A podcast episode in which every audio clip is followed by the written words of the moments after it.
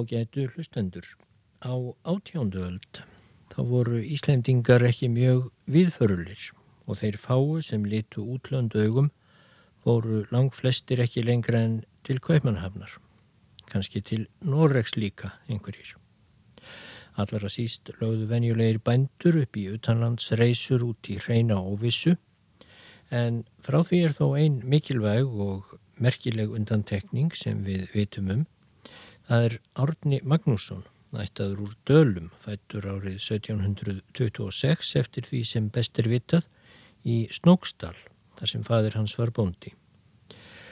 Árni var fjörði maður frá Magnúsi Síslumanni Prúða sem var af henni frægu Svalpardsætt og hann var komin af Hannesi Eggertsinni hirðstjóra í sjöttalið í bæði móður og föðurætt. En auðæfi og völd þessara mektarmanna voru þó horfin að mestu úr ættunum þegar komað Árna Magnúsinni. Þótt foreldrar hans muni hafi verið þokkalega stæðir en það var snókstalur ágætt bíli í þáttaga. Um mentun Árna er ekki vitað. Hann fór að minnstakosti ekki hefðbundna leið gegnum skólana og biskupstólunum eins og yfir stjættar strákar gerðu sem stemdu á prestskap eða lögmennsku af einhverju tægi en hann virðist þó hafa búið yfir meiri bóklegri mentun en búast notti við um þær myndir af jafnvel velstæðum bændum. Þegar Árni var réttrumlega tvítugur var hann farin að búa á geitastekk, smájörði í all fjari æskuheimilinu og 1748 gekk hann að eiga Guðrúnu Þorleifsdóttur frá Hítardal sem sögð var af dönsku kyni. Þeim varð tvekja barna auðið, gett Þorleifur sonur þeirra, fættur giftingar árið og Kristín fætt tveimur árum setna. Um líkt leiti fættist árna launbarn sem mun hafa dáið fljótlega. Um þetta leiti dó líka Guðrún kona hans og þá verðist hafa komið rót á árna af einhverjum ástæðum sem ekki eru að fullu ljósar. Hann gefur sjálfur í skín á einum stað í frásögn sinni af ferðarlögum eins og við munum heyra hér á eftir að hann hafi haft eitthvað á samviskunni sem hafi valdið því að hann fórað heimann.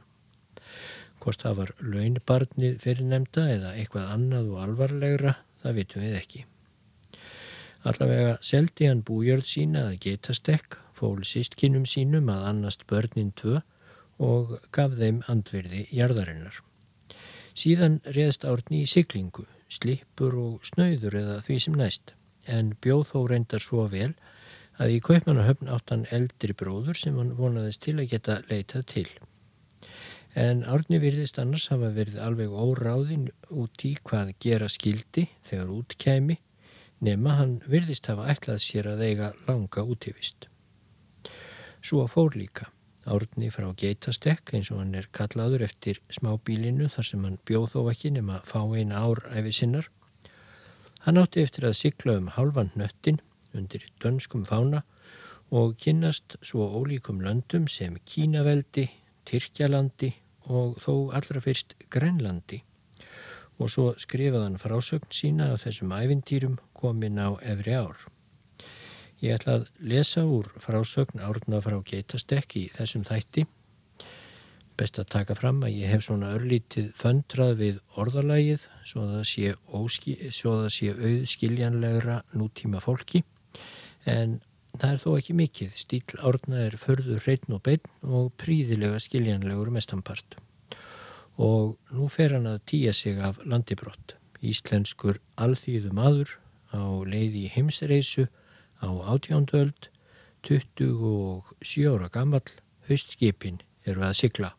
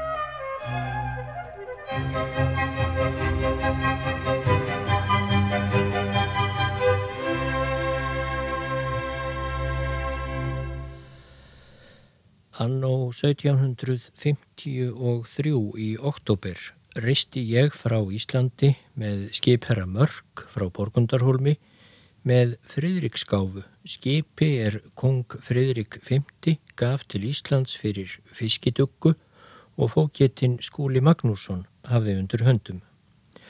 Við sildum frá Reykjavíkum fyrir miðdag. Um nóttina komum við til Vestmanæja. Kom þar einn kvalfiskur til okkar, förðu stór, er fylgdist með oss í tvo daga og eina nótt. Við flegðum til hans gömlum fiskitunnum er kvalfiskurinn braut í sundur. Hann var jafnan þjætt við stýrið, þó gjörðan oss öngvan skada. Við höfðum góðan vind á land norðan sem við heldum í nýju daga þar til við fengum fugglei í sikti. Fugglei heyrir konginum af Englandi til. Og hér er best að taka fram að árni á valla við Fugglei sem er eina af færiðum því hún hefur aldrei undir stjórn Englands konungs verið. Kanski hefur hann mismynd ögnum nafn eigarinnar og á við Fúla sem er einn hjallandsega. En allavega þá heldur árni áfram. Fólkið á þessari ei Fugglei var dimleitt í framann og holdmikið. Þar var korki kýrn ég fjenaður eftir því sem skipsfólkið sagði oss. Þeirra fæða var mest fiskur, fugglar, egg og stundum selur. Sjófuggl var þar í mengt sem var mávar, svartbakkur, kríur, skarvar og þess áttar. Nú áttum við til Noregs 8-10 mílur. Kom þá landsýningur sem dreif oss langt tilbaka svo við fengum England í sikti og fundum fiskara er seldu oss nokkra fiska, mikið stóra og feita. Við gáfum fyrir hvern fisk 24 skildinga. Nú hefðum við verið í sjónum síðan við fórum frá fugglei mig minnir 14 daga. Höfðum við fengið skada á vorum seglum af stormviðri sem við fengum þó uh, við gjört þegar mesti vindurinn var úti. Þar eftir fengum við norðvestanvind. Vorum á leiðinni frá Englandi og til Noregs í fimm daga sem er 8-10 mílur. Um nóttina sáum við eld á Líðandisnesi, siðista 8 Noregs. Hann brennur þar allar nætur, sjófarendum til leiðarvísis, sem öll skip sem þessa elds njóta meg að gefa peninga á fyrsta tollstað þar sem þau komað landi allt eftir skipsins stærð. Sá skattur betalast til Englands fyrir steinkólin sem brúkuð eru til þessa elds á líðandisnesi. Við sigldum nú langs með landinu inn til þess við komum til Merðei hvar vor loðs er til okkar kom bjó. Ég mátti sína þar minn passa sem lögmaðurinn Magnús Gíslason, staðgengil amtmanns, mér útgaf áður en ég fór frá Íslandi. Þegar ég kom í land, gekk ég inn í það drikkjuhús er allir voru samankomnir, bæði frá Englandi, Amsterdam, Fraklandi og Portugal. Þar voru þrjú borð með borðsitjandi fólki. Drikkirnir voru franst brennivín, engelst öl, potturinn á tvö mörg. Kaffi, góður sikurborin matur, stektur og uksakjötsúpa. Mig fyrðaði að þessi loðs geti trakterað svo marga borðsítjendur fyrir alls ekkert en það kom annað í ljós þegar þeir skildu á brotthalda voru flestir af, skip, af skipherrum sem gáfu tíu ríkistali en matrósar fimm eður fjóra ríkistali fyrir þá kvöldskemtun hjá lóðsinum. Þar inni var ógspiluð kort upp á peninga og tapl upp á skemtun. Ég skildi lítið þá í dönsku, minna en í öðrum tungumálum. Þeir vildu gerðnan tala við mig en ég skildi þá ei. Minn skipherra borgaði fyrir mig. Ég hafði og frí kost á duggunni sem síra Vigfús í Hítardal hafði útvegað mér hjá skúla fókita. Þar skildi ég við minn skipherra, er líka skildi áfram í Noregi, mig minnir við Fredrikstad og hlaða dugguna með trjám til byggingar í Reykjavík. fekk ég svo þar far frá Noregi með öðrum skipera sem hétt Jens Rasmussen og ætlaði að sigla til Kaupinhafnar. Við sigldum austur með landinu til þeirrar hafnar sem hétt Hestagarður, vindurinn var ós mótfallin og mátti ég hreyðra um mig í landi hjá gömlum hjónum, gaf tvo skildinga fyrir sengina hverja nótt og fjóra skildinga fyrir máltíðina hjá þeim hjónum Ég vildi hafa mjölkurgraut sem ég og fjekk. Hann smakkaðist mér hins vegar sem vassblandsgrautur og fullirti ég við konuna að hún hefði sett vatn í mjölkina. Hún sór það lígi vera. Kom með mér á morgun, saði konan. Þegar ég mjölka kýr mínar í fjósinu, hvað ég og gjörði og sá eftir að ei kom hún vatni í mjölkina. Kokkaði hún svo aftur graut til mín Þá smakkaðist grauturinn eins og hinn fyrir dag. Varði ég svo að segja henni frá Íslands mjölk. Kunni ég þó ei út þýða henni allt Íslands ásikomulag þar eða ég ei kunni dönsku rétt tala. Þau gömlu hjón vildu mikið við mig tala um eitt og annað. Þau voru mikið góð og skikkanleg, gáfu mér eppli og perur að geta án þess að krefjast betalning. Þar var þó eidans eður drikk en kaffi fekk ég. Ég var vel í fjórar eður fimm nætur hjá þeim. Þá síðustu nótt er ég láð þar, kom hennar bróðir, er bjó hátt upp í landinu. Hann hafði belghempu og kollóta húfu á höfði sér. Ég þengti hann hefði verið á Íslandi því hann talaði íslensku við mig. Þar eftir fórum við að syngja nokkra kveldsálma, svo sem þennan, dagur og ljós þú drottin ert og sá ljósi dagur liðin er og söng hann mestanpart á íslensku fyrir utan nokkur orð voru öðruvísi. Sá sami maður gaf mér belti um mig með stórum kníf á síðunni. Um morgunin snemma kom loðsinn eftir mér til að flytja mig út í skipið aftur, hvati ég svo þau gömlu hjón er mér gáfu að skilnaði hafurköku svo stóra sem Kjeraldsbotn. Kom svo um borð til skipherra Jens Rasmussen og vildum við nú sigla til Kaupmannahafnar. Vorum komnir átta mílur til sjós, fengum mótvind og máttum reysa til Noregs aftur. Komum til þess pláss sem kallaðist Búvík. Þar skildi ég og í land fara meðan beðið var byrjar og fekk ég herbergi hjá einum stýrimanni er lág sjúkur í senginni af brennivíni. Hann var ógiftur, móður hans helt búið. Hún var háöldruð og elli óra. Ég var þar í þrjárnættur. Hún gaf mér tvo potta gott öl fyrir einn skilding sem annars kostaði fjóra skildinga og álíka ódýr voru matkaupin hjá henni, svo ég eitti þar ei mörgum peningum. Ekki fór stýrimaður og fætur alla þá tíð er ég var þar en drakk mikið brennivín allan tíman. Hans móðir gaf mér kaffi þegar ég kvatti. Um morgunin snemma kom loðsinn eftir mér.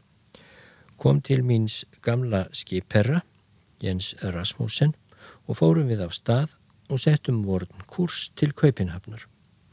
Þegar við vorum komnir 14 mílur frá Noregi varð vindurinn austanstæður svo við komumst ekki fyrir Skagan, nýrsta 8 Jótlands, því vindurinn var alltíð meir til söðurs með stormviðri. Fröktumst við undir Jótland og hafðum nærri strandað á þeim Jóska skaga. Nóttin var laung og ekkert tungsljós. Þegar dagaðist sáum við að bærin Klitmúla á Jótlandströnd var oss mikið nær. Skerin voru kringum oss og vindurinn mikið gangstæður. Settum við þá flaggvort upp á stóra toppin Lóðsinn frá klítmúla kom út til okkar og visti oss veginn svo við urðum frýir frá skerjunum, heldum svo rúmsjóinn í storfiðri í fimm daga og mistum vort fokkusegl og hundahúsið. Svo forandraðist að lokum vindurinn, svo við fengum góðan vind gegnum Kattegat, sigldum svo fyrir hinn Jóska Skaga, verið bí mestum náttmál vorum næstum komnur upp á sker í Svíjaríki sem kallast Paternoster sker því nóttin var laung og þygt veður. Kunnum við eiti lands að sjá fyrir um morgunin í dögun. Sáum við skagans eld, áttum við þá fimm mílur til Helsingeirar og þá varð klárt veður. Komum um hádegi til Krónuborgar kastala. Þurstum þar að fara í land að vísa vorn tollseðil sem tilgreindi farmin er voru 500 tunnur af þránteims síld og 400 skippund af söldum þorski. Þaðan fórum við upp á kongsins vaktskip frá Kaupenhafn að framvísa að kongsins tollur af vorri lest hefði verið betalaður sem lögkerður áð fyrir. Gengum við svo frá Helsingeri til Kaupenhafnar sem voru fimm mílur. Uppi á landinu sá ég margar vindmillur sem mér varð mikið starfsínd á að þær með sínum stóru vangjum skildu hlaupa svo hært um kring af sér sjálfum.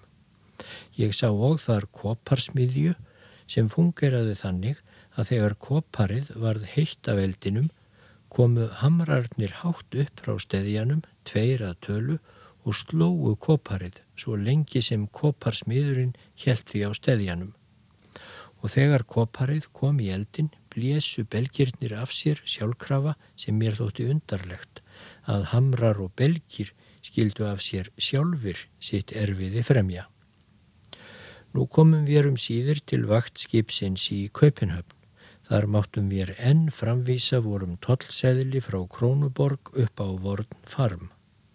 Ég mátti og framvísa mínum passa frá Íslandi til kongsins komandör því til staðfestingar að ég mætti til Danmerkur koma. Þaðan fórum við til kongsins tollkammer og ég til vakthagandi kapitanlautinants að framvísa minn pass. Og þegar ég var þangað upp gengin spurði fólk minn skipera hver sá framandi maður hefði verið sem gekk til lautinantsins með sinn passa. Í bland þessara var viktmistarinn. Skipherran svaraði það hefði verið einn Íslender og sagði þeim þar með að í því landi Íslandi skorti margt, til dæmis sáðist þar ekkert korn. Viktmeistarinn segir þá, það fólk muni í stóra krafta hafa eftir því þeir geta í brauð. En skipherran segir, þessi Íslendir er eigi svo kraftalöys Því þegar hann tekur í kaðla hjá oss á skipinu er hann svo sterkur sem tveir af mínu fólki. Kallað á hann þegar hann kemur frá lautinantinum. Þegar ég kem verður til mín sagt ég skuli upp til kongsins viktmeistara. Ég var rættur þangað að fara þar ég vissi mig ekki eiga neitt erindi til hans. Kem þó upp til hans, viktmeistarin spyr hvort ég geti lift lóðum sem hann hafði við höndina og voru það tíu lísipunda lóð. Ég segi það mun ei stór kunst vera að létta einu upp af þeim, tók ég vasaklút minn og nýtti honum í handtakið á því eina tíu lísipunda lóði, síðan tek ég minn hálsklút og nýtti í það annað lóð og létti ég þeim síðan báðum upp, öðrum með löngutönginni á þeirri hægri hendi og hínu lóðinni með löngutönginni á þeirri vinstri hönd og rétti mig svo upp með báðum lóðunum tíu lísipund í hverri hendi. Þann tíma voru yfir 300 manns í tollbúðinni og þótt margir reyndu gat þetta engin annar uh, utan einn frá Borgundarhólmi. Síðan gekk ég upp í tollbúðargöttuna til eiginkonu míns skipherra, Mörgs, sem ég hafði reist með frá Íslandi til Noregs. Ég bað henni heilsu, bað henni heilsu frá hennar manni og það með að hann væri heill og ósjúkur en yrði nú að vera frá konu sinni en svo lengi. Eftir áliti mínu þá varð konan ekki svo hjarta sjúk þótt hún þyrti að bera þann kross að vera án eiginmannsins. Kanski hafði hún meðul næri sér sem sorgin að deyðu. Hann í Noregi, svona. Hún spyr mig eftir hvort ég nokkra vini eða rættingja hér í Kaupenhafn eigi. Ég segi það vera satt, ég hefði hér einn holdgetinn bróður sem hefði eftir mér skrifað. Var mér þó rigð í hjarta af þöngum mínum þar að lútandi sem ég vildi öngum dönskum manni ofinbera. Þú skalt vera hér í húsi mínu án betalnings, segir konan þá, þar til ég fæ talað með einhvern íslenskan sem færir mér áraðanlegar fréttir af því hvar þinn bróður er. Fór ég svo að borðinu og fekk mat að borða og öl að drekka. Þetta var mér þó sorg, fyrir ég fekk öngan minna landsmanna til mín að svo stöttu, en þetta var einn laugardag. En á sunnudaginn kom einn íslenskur þar inn, hétt Þorlákur, ættaður úr vestmanneifum og hann þekkti minn bróður. Skipherrakonan segir til þessa manns, þú gjörður mér góða þjenustu ef þú hingað aftur kæmir á morgun og gengir með þessari persónu til hans bróður. Og með þessari persónu átti hún við mig. Þorlákur segir það skuli skeið. Um morgunin kemur Þorlákur og göngum við saman til Amaljenborgar. Þar síndan mér höllina sem sá herra bjó í hvar minn bróðir þjónaði. Hann þorði eigi að ganga lengra með mér. Hús þessa herra sá út sem heilt slót væri. Ég og kunnur vissi eigi eftir hverjum spyrja skildi.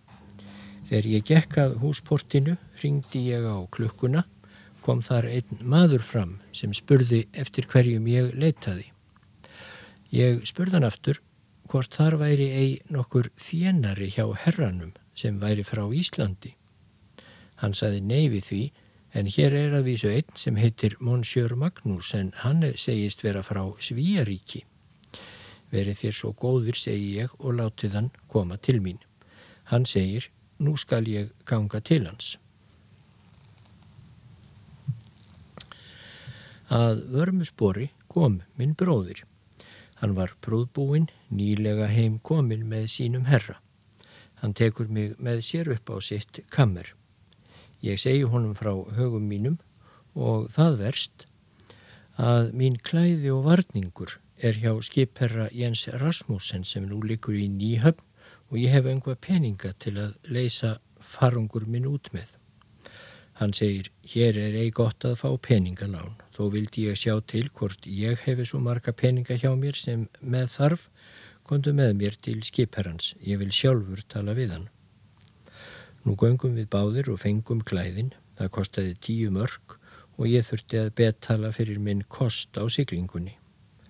Ég bar nú mitt tói þar til ég kom með bróður mínum inn í stóru kongsinskötu. Þar var Jón Jónsson, bróðir Jóns á gróustöðum sem hafði lært að ofur skera klæði en var hjá manni á stóru kongsinsgötu til herbergis. Þú skalt taka minn bróður í seng til þín fyrir mín orð, segir bróður minn, og hinn segir mér að koma til sína á morgun snemma. Minn herra er að láta byggja hús, segir hann. Þar inni skal vefast silki þegar húsið er tilbúið. Þú færð 16 skildinga um daginn fyrir að vinna við húsið. Þar verður erfiðað í allan vetur og þegar ílt veður er og ekki hægt að vinna þá skaltu tala við kúskin hvort hann hafi þörf fyrir þig. Og skildi ég þá hjálpa kúskinum með hestana í stallinum.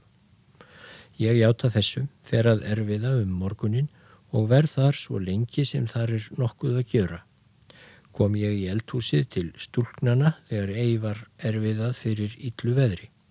Þær gáðu mér oft smjör og brauð og kúskinum líka.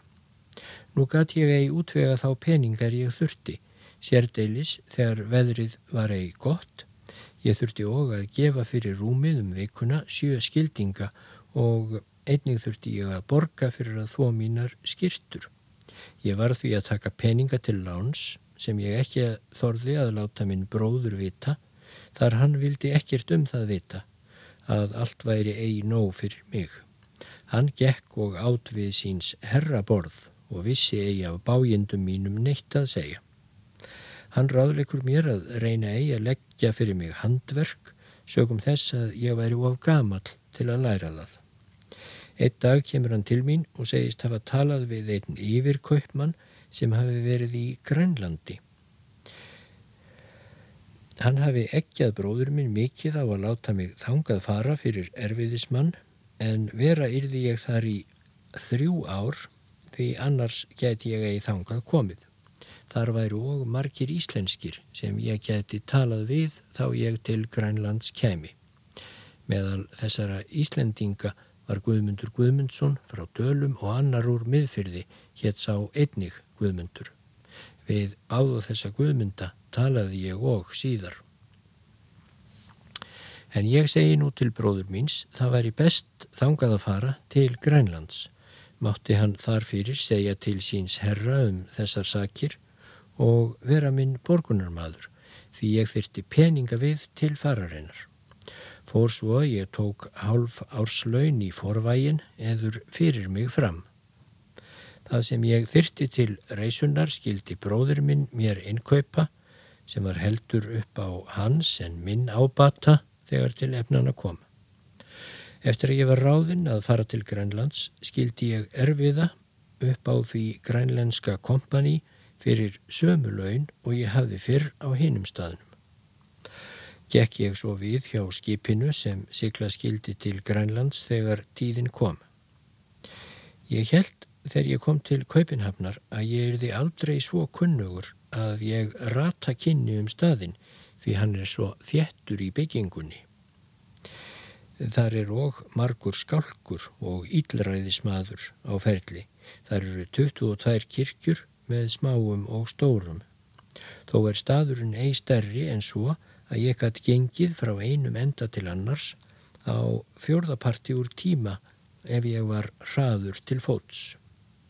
Þá tíð er ég var þar í Kaupinhafn, mættu allir soldáttar fyrir hallarliðinu er skildu í skrúðgöngu fyrir kongin. Einnig lífgardarar eða lífverðir ríðandi á sínum hestum með þeirra þverbagspoka aftan við nakkin. Algengt er að sjá einn soldat vera pískaðan ofinberlega á stundum fyrir lítið síndist mér.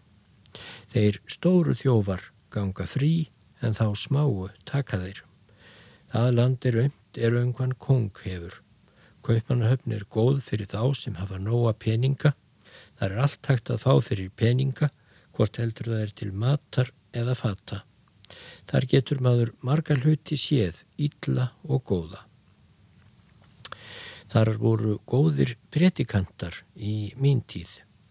Þá mátti presturinn bæði heyra aksarhögg og sagargang þegar hann var í sínum predikunarstól að predikanta. Fullt var með skipstimburmenn og boltaslagara sem flestir voru af fangelsinu í Brímarholmi og orsökinn fyrir þessum háfaða er þessi, kongur greiðir þeim lítið fyrir holmsins erfiði en vinnu á sunnudögum vil kongur ei hafa. Nú eru þar í borg hins vegar svo margir kaupmenn sem brúka sunnudagserfiði sem eru kínafarar, vest- og stratstúrar og þar fyrir ótal annað erfiði bæði hjá skipherrum og kaupmannum sem engin umtalar þótt fátækir bjargi sér upp á hvern ærlegan máta. Kongur leifir sem sé ekki vinnu á sunnudögum en hann bannar það ekki heldur og því dinni að smíða högg og annar skarkali jafnvel meðan á messu stendur. Þar fyrir er svo mikið straff uppkomið yfir Kaupinhamn síðan ég kunni fyrst hugsa og verst eru eldsbrunar og dýrtíð. Ég hef eigi heyrt að nokkurt slót hafi upp brunnið utan í Kaupanhöfn og hef ég þó víða farið um veröldina. Jarðskjálti fór eitt í vissulega Lissabon En hvað viljum við segja um Kaupmannahöfn? Slotið brann fyrst og svo staðurinn meir og minna allur. Og hér vísar Árni Magnússon á Geitastekk, áraðarlega fyrst og fremst til brunans mikla í Kaupmannahöfn sem varða árið 1728 þegar stór hluti miðborgarinnar brann og þá fuðraði upp hryggilega stór hluti af því handrítasafnari handrítasafni sem alnafni Árna, handrítasafnarin góðkunni Árni Magnússon hafði viðað að sér á laungum tíma. Sábruni var enn í minnum hafður þegar Árni frá Geitastekk kom til Kaupanahafnar aldarfjörðungi síðar en reyndar urðu íðurlega skjelvilegir eldsvoðar í borginni enda borgin svo þjætt í byggingunni eins og Árni komst sjálfur að orði rétt á þann. Af almennum tíðindum úr stórborginni þennan fyrsta vetur sinn þar, 1754, skrifar Árni hins vegar ekkert í frásögninni utan þó eitt. Þann vetur var hálshögvin eitt kansilíráð og hans fulltrúi af þeim sökum að þeir gjörðu falska bankósæðila. Svo heldur hann áfram, nú fer ég að búa mig til að fara til Grænlands með herra, skipherra Lars Pedersen og prestinum Nikolai Rask. Fórum við frá Kaupenhafnum sumarmál, vorum lengi fyrir framann Norreg því vindurinn var oss mótfallin. Við vorum vel í 14 daga fyrir en sunnanvindur kom, er við helst í 5 daga, svo við fengum Sjettland í sikti. Það land tilherir þeim engelska kongi. Þar er fiskir í og gott gras fyrir fjenaðin annars eru þær eigjar verstar með þokur og damp sem eigivill burt ganga. Ég hef verið þar títt og oft. Hefur veðrið verið annað hvort með stormi frá sunnan eða þoku og fíling sem er óheilnæmt veður. Margir verða þar sjúkir af skýribjúg sem loftið með sér færir.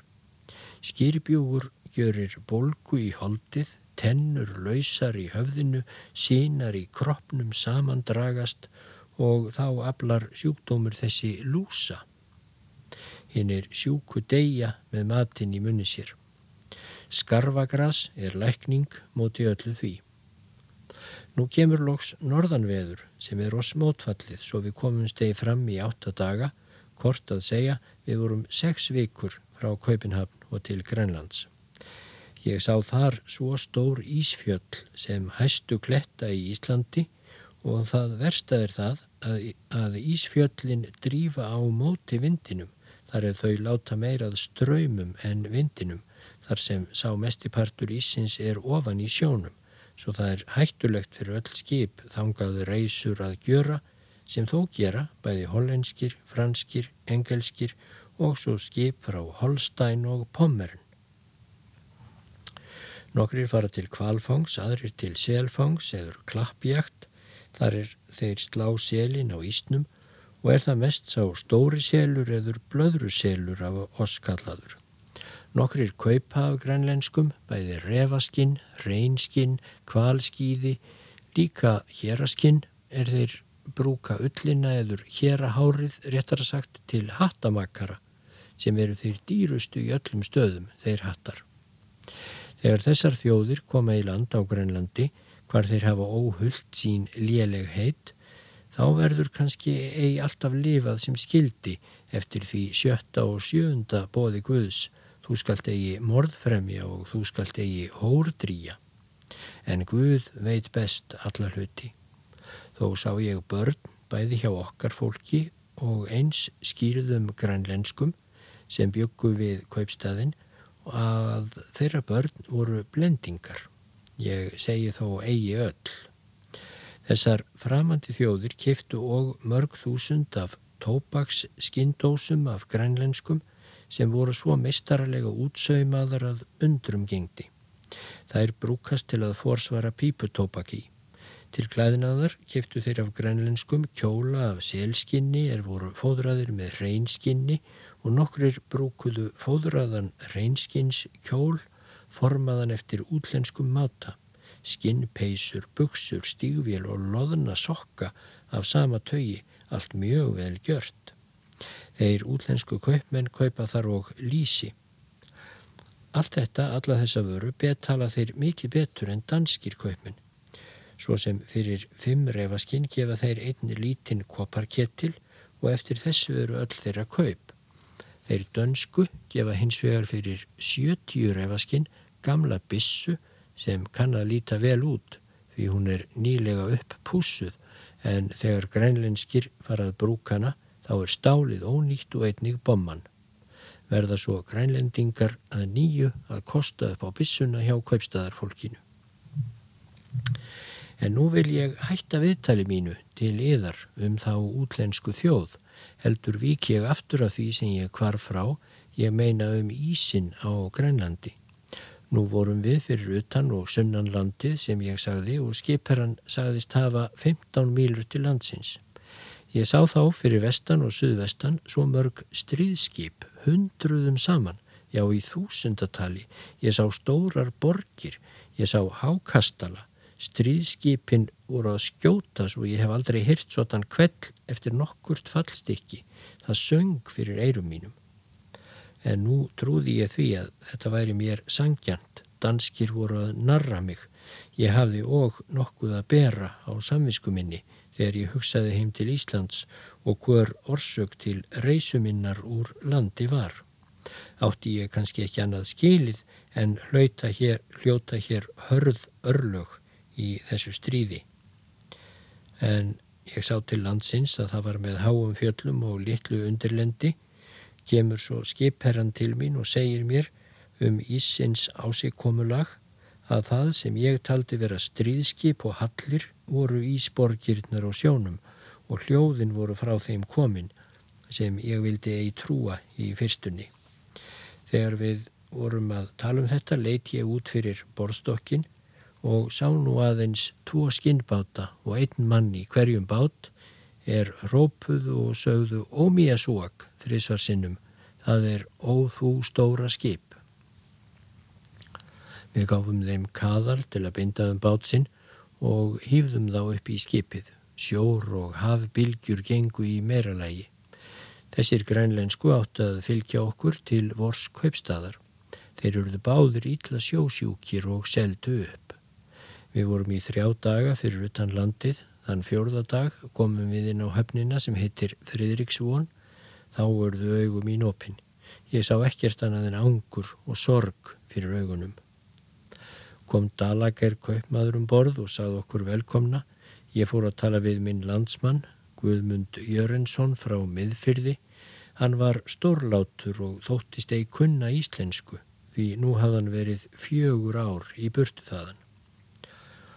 Þeir dönsku sem skildu vera mínir samþjónar í versluninni voru að deila og drekka brennivín, kaupmaður að straffa, presturinn að prétika um þá Allir áttu óskilið mál og enginn skildi annan nýjanendi að hlusta. Þegar nokkuð átt að vinna þá vorum við Íslendir settir í þann stað sem hinnir vildu eigi í vera. Nú var ég sem í fangelsi því langt var nú til Íslands og hvert geti ég flúið. Ekkert var nú að heyra utan bölf og bann. Þegar útgekk sá ég ekki annaðin snjó, kletta, ís og þessa skrælingja sem þarna byggu. Þó vildi ég lesa og byggja Guð að hjálpa mér en var hafður fyrir heimskulega narra, kort sagt, ég hlaut að afneita Guði og hans heilaga orði. Ég sló sorgina burt með drikk þó ég aldrei kunni það almennilega að gjöra því Guð vissi alltaf hvað ég gjörði. Nú fórum við í bryggjuvinnu um morgunin og kaupmannsassistentinn að slá oss ef eh, það kemi ílt í oss hver við annan í kompanísins þjenustu. Brennivín fengum við alltaf nóg en þeir sem höfðu verið lengi í þessu standi öllu urðu þó leiður á því að vera þar enn lengur. Brátt fór kaupmann Dalager heim til kaupmannhafnar en Wulf sem þá var assistent varður kaupmaður í hans stað. Hann hafi verið matrós á skipi sem sigildi til Kína og var öngvuð vanur utan óguðlegu aðtæfi. Þegar hann var gaupmaður sagði hann sem hinn syndu í konungur í gamla testamentinu, Róbáam, að sinn minnsti fingur skildi verða þingri en síns föðurs hendur. Fúlf sagði oss að Dalager hefði verið oss allt of góður en hann skildi kenna oss að verða sér undirgefnir og hlýðinir. Sá auðmingi sem átt að heita prestur hjá kaupmanni þar í plássinu var norskur og þó hann stoltur væri átti hann eig klæði utan á sinn kropp og kifti af heimfarandi kaupmanni nokkur grænlandsklæði sem hann hafði sér gjöra látið. Til vorsins vænti presturinn eftir konu sinni sem var skómakaradóttir. Þessir tveir þrælar höndluðu harðalega með oss þann vetur Wulf hafði nafna kallum miðnættið og aftur um miðjan morgun. Þeir sem þá voru eigi komnir máttu vætta, vænta strafs. Nú var frostið svo hart þótt við legðum í kakalopnin svo mikið að við kynnum kveikja í pípum okkar fyrir en til sengurgengum sem var um miðnætti, þá var fyrir miðjan morgun komin svo mikill ís og hjela í glukkana að við eigi sjákunnum hvort var nótt eður dagur. Loftið yfir okkur var eigi til að sjá nema sem hél, íshjela væri. Skildum við þó bramboltast úr kaldri stofu inn í aðra enn kaldari og syngja þar danska sálma í hverjum ég lítið skildi um hríð. Það er matarbyrðir sem við fengum um mánuðin voru 5 pund smjör, 4 pund flesk, 8 pund júlands gamalt kýrkjett og 28 pund skipsbröð og tunnu öl í nýju veikur, brennivín á mótnana þegar kaupmaður sáast það þjænanlegt. Eftir að við höfðum útlosað skipið og það aftur hlaðið og nóthaldist komið í spekkhúsið af selsbyggs tunnum og annari vöru sem voru skinn og kvalbarðar, refaskinn og hjera, þá skildum við upp á mósan að skera torf til eldi viðar um veturinn. Vera skildum við uppi um miðjan morgun um dagmál í að ta vaskuröyt.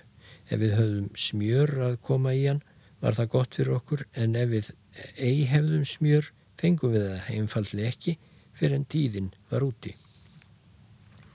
Nú var svoðin yfir oss ketum þriðjudaginn og fymtudaginn og bönir að auki. Það skildi kokkurinn matreiða um miðdaginn. Á mánudaginn, miðugudaginn, föstudaginn og lögardaginn fengum við gröð. Hvort við vildum slá öl í gegnum að neður smjör réðum við sjálfur. Þegar við unnum nokkuð áttum við að fá tvö staup ef kaupmaðurinn hafði það til. Annars voru tvær tunnur brennivíns til nýju manns um árið. Ég seldi mitt kýrkett til prestskonunnar fyrir púður og blí stundum sömnálar. Þegar við höfðum skorið torfið skildum við út í eigarnar á fyrðinum þar framundan og meðframlandinu 15 eða vel 18 mílur að snuðra eftir rekavið til eldiviðar. Vorum við burtu fjórar, fimm vikur. Stundum urðum við matarlausir á þeim tíma en skutum þá fuggla, endur, rjúpur og hjera. Stundum gátum við rey komist leiður okkar fyrir ís þegar sunnan veður gengu. Það skeiði oft við þau lélegheit. Við gátum farið upp á þau hæstu fjöll í Grænlandi og aldrei séð svo mikið opið vatn sem einn fuggl geti sett sig á. En sá ískat hó farið burt á einni nóttu meðan við vorum í ferðum okkar en einningattan verið fastur í mánuð svo kaupmaður varð að senda grænlenska á þeirra smábátum til okkar með fæðu því þeirra bátar eru svo léttir að þeir grænlensku geta borið á og höfði sér sem hverja aðra létta byrði. Þeir kunna og að sofa í þeim á landi því bátarnir eru umvafðir með skinni. Þeir grænlensku eru niðri í bátunum mest upp undir bringu en í botni bátana eru einst tvöfalt hundaskinn. Og eh, þegar græn, þeir grænlensku er á ferðum sínum þá kunna þeir að fanga sel og fuggla og þá eru þeir í góðu standi því þeir geta stöðugt selspik í mjóum lengjum, rist með skinninu, það er þeirra besta fæða. Þeir geta hjartað, lungun og livrina og blóðið sjúa þeir. Þetta þurfa þeir eigi að láta matreiða fyrir sig. Þeir fara og aldrei nokkra ferð að eigi hafi þeir með sér vindþurra síld og selspik. Þetta er þeirra fæða. Ég þekki þann grænlandsmann sem hefur góða krafta og hefur þó lítið að geta á stundum. Það hefur ég séð með mínum eigin augum. Nú þegar við vorum heimkomnir úr ferð okkar í leitað rekavið þá gjörum við oss til góða fyrir langa og slæma burtuveru. Svo þegar brennivinnið fer að verka í höfðinu vil hver verða mestur. Þar afkemur ósamlindi, eigðar og allar, allar skammir.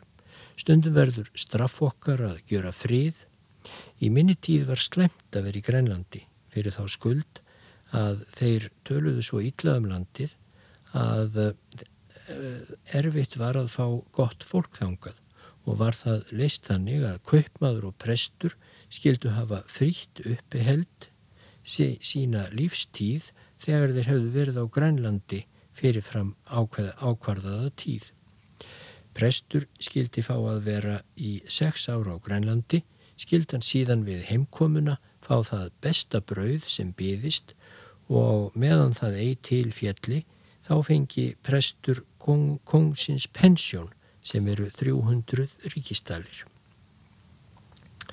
Þeir skrifa svo umgunnarlegar reysubækur flestir sem til Grænlands fara um hverja kvöl þeir hafa mátt þóla í landinu en sannleikurinn er sá að einn biskup á Íslandi hefur eigi svo góða daga sem þessir menn á Grænlandi sem þykjast þar komnir til að uppfræða þessa heiðingja, kenna þeim veg sáluhjálparinnar eins og þeirra kallsbref útvísar. Þeir grænlensku ganga í skóla, eða er gengu hjá sáluga herr Egede sem var þar í 14 ár með sínum sáluga föður Hans Egede. Er var prestur í Noregi en fekk þá vitran í draumi að hann skildi kristna þá grænlensku. Ég vil segja eftir fáfræði mínu og oska að það aldrei hefði skeið. Því þeir menn frá Noregi eður Danmörku sem eru við þeirra grænlensku uppfræðingu, eður hvað ég skal kalla það, þeir gjöra sér þá skömm að þeirra óguðlegt aðtæfi blasir við heiðingunum eftir ónátturu þeirra og framferði. Fyrst segi ég þegar þeir grænlensku eru komnir undir uppfræðingu þessara ógæfumanna, fyrst þá læra þeir með það sama að drekka brennivín, hórast, stela ljúa, hæða aðra. Þetta allt forðast heiðingjar en læra nú af oss.